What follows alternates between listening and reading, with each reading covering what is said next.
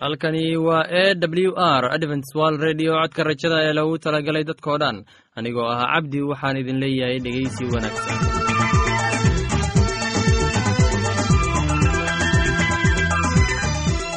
barnaamijyadeena maanta waa laba qaybood. Qaybta kuwaad waxaad ku maqli doontaan barnaamijka nolosha qoyska. Kadib waxaa inoo raaci doonaa cashar inaga yimid bugga nolosha. Haddaba haddii aad qabto wax su'aal ama talo iyo tusaale oo ku saabsan barnaamijyadeena maanta fadlan inala soo xiriir. Dib ayaynu kaga sheegi doonaa ciwaanka yagu balse intaynan u guuda gelin barnaamijyadeena xiisaa leh. Waxaad marka hore ku soo dhowaataan heestan daabacsan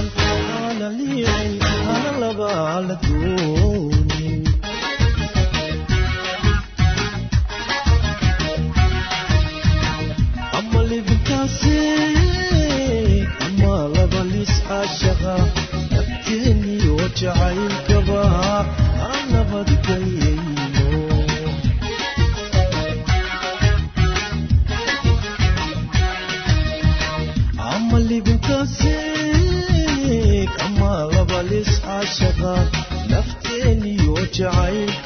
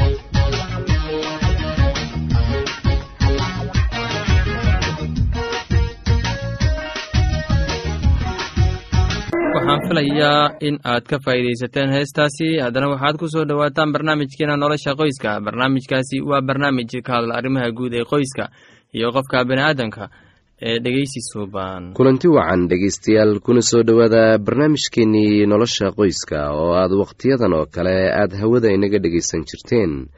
Maantana waxaannu ka hadli doonnaa dabeecadaha baabi'iya xiriirka qoyska. Baryahan dambe waxaa aad u batay burburka qoyska iyo furniinka. Haddaba haddii aynu isweydiinno waxa sababa muxuu yahay? Sideese loo hagaajin karaa xiriirka labada isqabta? Run ahaantii waxyaabo badan ayaa sababa burburka qoyska laakiin kuwa inta badan keena burburka waxaa ka mid ah dhaqaalaha waxaa dhacdaa in inta badan ay raggu sababaan burburka ama furniinka marka ay noqoto khilaaf xagga dhaqaalaha ah. Waayo raggu haweenka ayaa ooga wanaagsan xagga dhaqaalaha.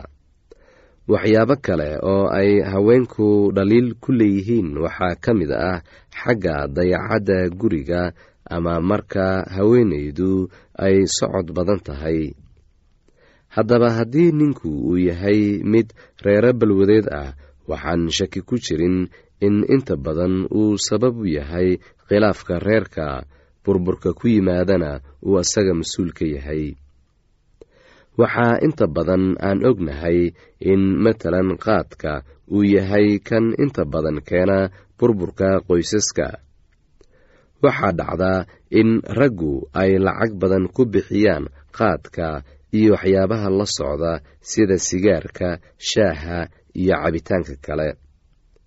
Taa ka sokow ninka qaadka cuna waa mid aan u warhayn reerkiisa.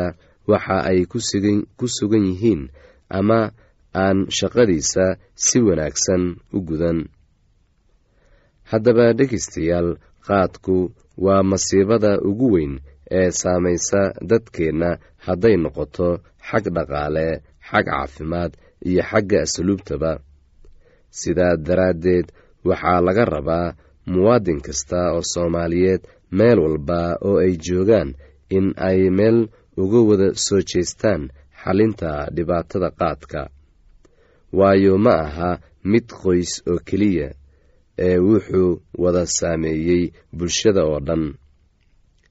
Haddaan u soo noqonno waxyaabaha kale ee ay haweenku ku qaldan yihiin waxaa ka mid ah shaqada oo ay gudan weyso ama socodkeeda oo bata ama ninkeeda oo ay ku afceliso ama dadka hortiisa ay ku aflagaadiiso haddaba waa in arrimahaasi ay si wada jir ah ku xalliyaan oo ay khilaafkooda inta ay qariyaan inta ay qarin karaan ay qariyaan oo aysan deriska u bandhigin. Haddiise ay xalin waayaan waa in ay la kaashadaan qof ay ku kalsoon yihiin. Haddaba waxyaabaha kale waxaa ka mid ah marka ninku uu lacagtu iska bixiyo isagoon la tashan haweenkiisa ama waxyaabihii reerku u baahnaa uu meelo kale ku isticmaalo. Kadibna marka ay xaaskiisa weydiiso halkaa uu ka bilowdo khilaaf. Haddaba si taa loo xaliyo waxaa loo baahan yahay in qarash walba oo soo gala reerka in ay si wada jir ah loola wada ay ku wada tashadaan ninku waa in uu ka tashadaa sidii uu u xallin lahaa waxyaabaha reerkiisa burburka u keeni karaa hadday tahay qaada ama qamri ama balwad kale ama waxyaabo kale oo reerkiisa burburin karaa sida dhaqaalaha uu meelo kale ku bixiyo isagoon la tashan xaaskiisa. Waa in uu ninku u soo jeestaa reerkiisa kana tanaasulaa waxyaabaha khilaafka keeni kara inkastoo ragga oo dhan aysan isku mid ahayn haddana waxaa jira qaar qaadka cuna haddana ka adag balwadooda reerkoodana og oo war u haya.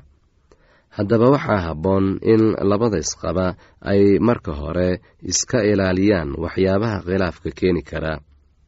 Haweenaydu waa inay ninkeeda ka dambaysaa oo maqashaa waana in ay dhaqaalaha reerkeeda iyo hawsha gurigeeda u soo jeesataa oo ay socodka maalayacniga ah iska dhaaftaa. Waxaan filayaa inaad ka faa'iidaysateen barnaamijkaasi. Haddaba haddii aad qabto wax su'aal ama tala iyo tusaale fadlan inala soo xiriir.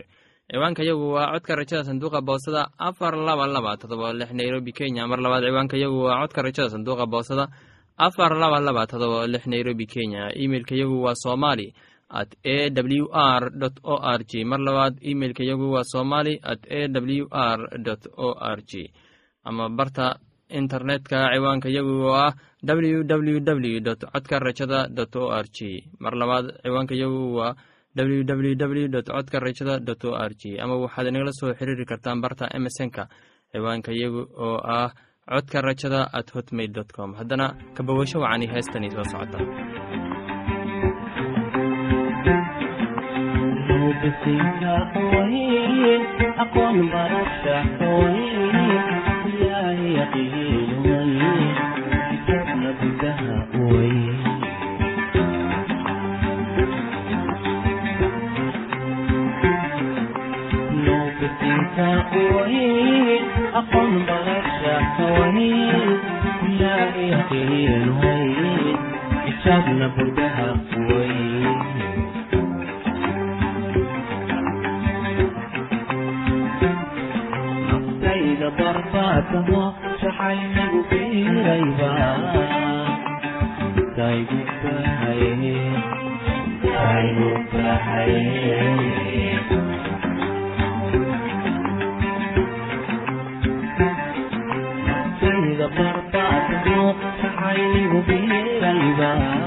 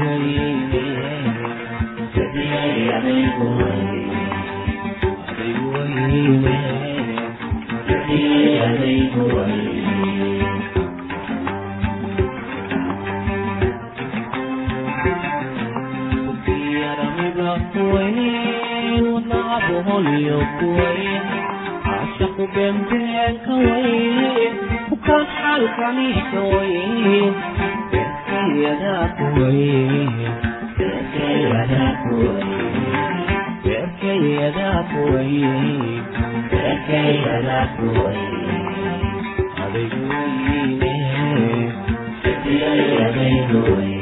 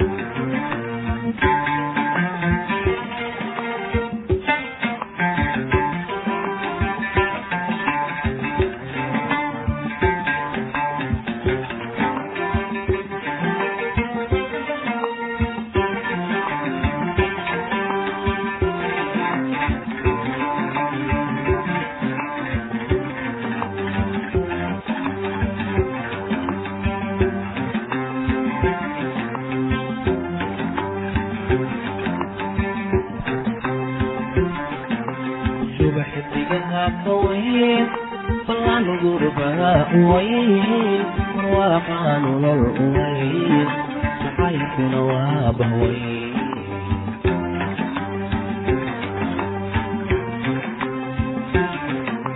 subax xidigaha kawayn ballan gurbaha uwayn marwaaqa nolol uwayn jacaylkuna waa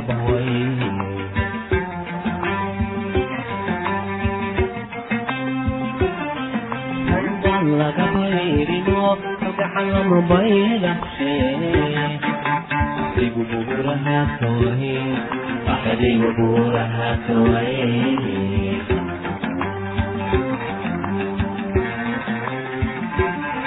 Handan laga bayrino kalgaxalama baydhaqshe adigu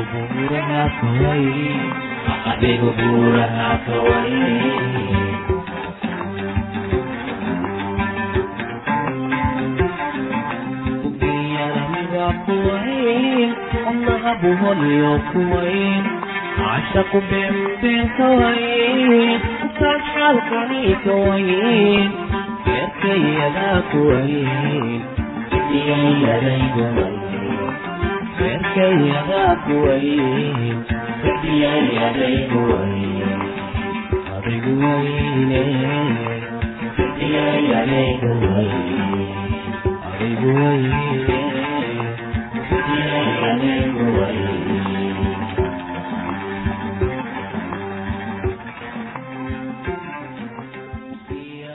waxaan filayaa inaad ku raaxaysateen heestaasi. Haddana waxaad ku soo dhowaataan barnaamijkeenna inaga yimid bugga nolosha. Barnaamijkaasi waa barnaamij xikmad badan ee ka bogasho wacan aadanna naagtiisii mar kale ayuu u tegey waxayna dhashay wiil. Magiciisana waxay u bixisay seed iyadoo leh ilaah abuur kaluu ii soo dhigay haabiil meeshiisii waayo qaabiil baa dilay isagii.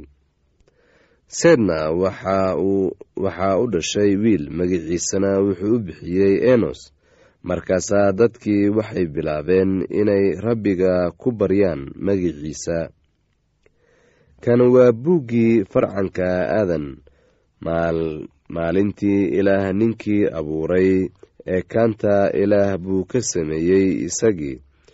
Wuxuu abuuray iyagoo lab iyo dhedig ah wuuna barakadeeyey iyagii. Magacoodii wuxuu u bixiyey aadan. Maalintii iyagii la abuuray aadanna wuxuu jiray boqol iyo soddon sannadood. Wuxuuna dhalay wiil isagii u eg oo arigiisa leh magiciisana wuxuu u bixiyey seed. Aadanna markuu seed dhalay kadib wuxuu noolaa siddeetan boqol oo sannadood. Wiilkii iyo gabdhana wuu dhalay. Wakhtigii aadan noolaa oo dhammuna wuxuu ahaa sagaal boqol iyo soddon sannadood.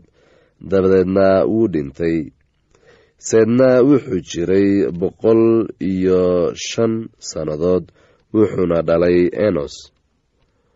Seedna markuu enos dhalay kadib wuxuu noolaa siddeed boqol iyo toddoba sannadood.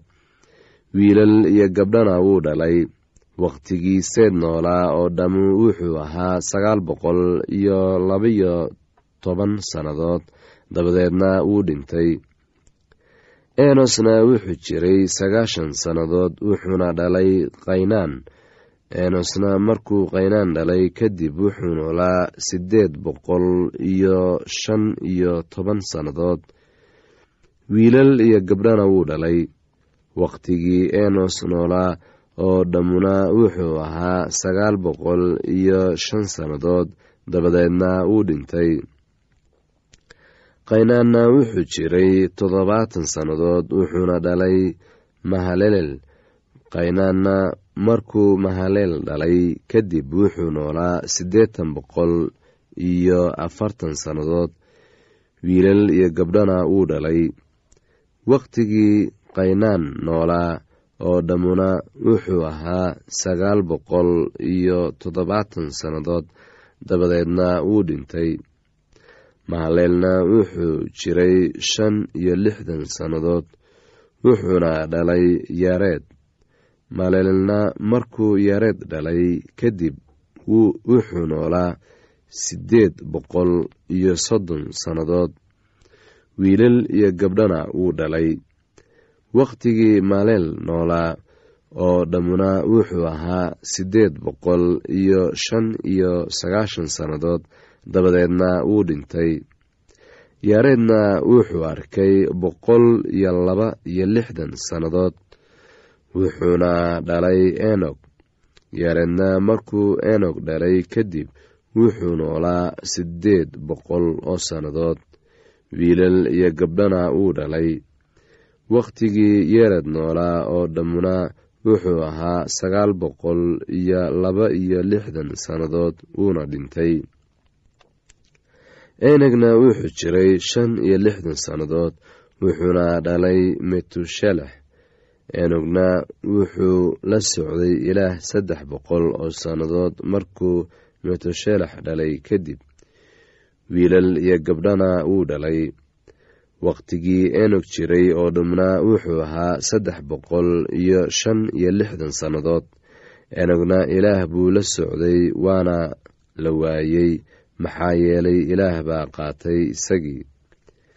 Meteshelaxna wuxuu jiray boqol iyo toddoba iyo siddeetan sannadood wuxuuna dhalay lamig meteshelaxna wuxuu noolaa markuu lamig dhalay kadib toddoba boqol iyo laba iyo siddeetan sannadood wiilal iyo gabdhana wuu dhalay. Wakhtigii meteshelax noolaa oo dhammuna wuxuu ahaa sagaal boqol iyo sagaal iyo lixdan sannadood. Dabadeedna wuu dhintay. Lamigna wuxuu jiray boqol iyo laba iyo siddeetan sannadood wuxuuna dhalay wiil. Magiciisa wuxuu u bixiyey nuux isagoo leh kanu waa inooga raaxayn doonaa shuqulkeenna iyo hawsha gacmaheenna xagga dhulka ilaah habaaray lamegna markuu nuux dhalay kadib wuxuu noolaa shan boqol iyo shan iyo sagaashan sannadood. Wiilal iyo gabdhana wuu dhalay. Wakhtigii lamig noolaa oo dhamm wuxuu ahaa toddoba boqol iyo toddoba iyo toddobaatan sannadood dabadeedna wuu dhintay. Nuuxna wuxuu jiray shan boqol oo sannadood wuxuuna dhalay sheem iyo xam iyo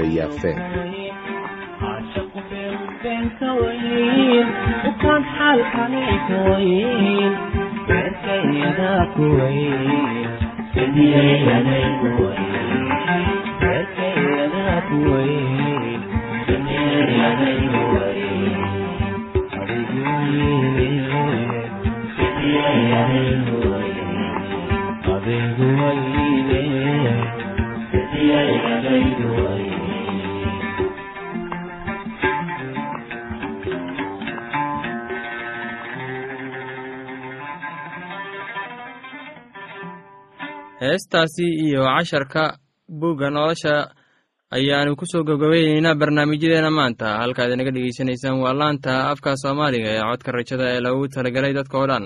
Haddaba haddii aad doonayso inaad wax ka faa'iidaysataan barnaamijyadeena sida barnaamijka caafimaadka barnaamijka nolosha qoyska iyo barnaamijka kitaabka quduuska fadlan inala soo xiriir. Ciwaanka yagu waa codka rajada sanduuqa boosada afar laba laba todoba lix nairobi kenya. Mar labaad ciwaanka yagu waa codka rajada sanduuqa boosada afar laba laba todoba lix nairobi kenya. Imeilka yagu waa somali at a w r o r g mar labaad imeilka yagu waa somali at a w r o r g ama emesonka oo ah codka rajada at hotmail dot com. Mar labaad emesonka yagu waa codka rajada at hotmail dot com. Ama barta internetka ayaad ka akhrisan kartaan barnaamijyadeena iyo ka maqasha sida ww w codka rajada dot o r g dhegeystayaasheena qiimaha iyo qadarinta mudan oo barnaamijyadeena maanta waa naga intaas. Tan iyo intaynu hawada dib ugu kulmayno waxaan idin leeyahay sidaas iyo ammaano allah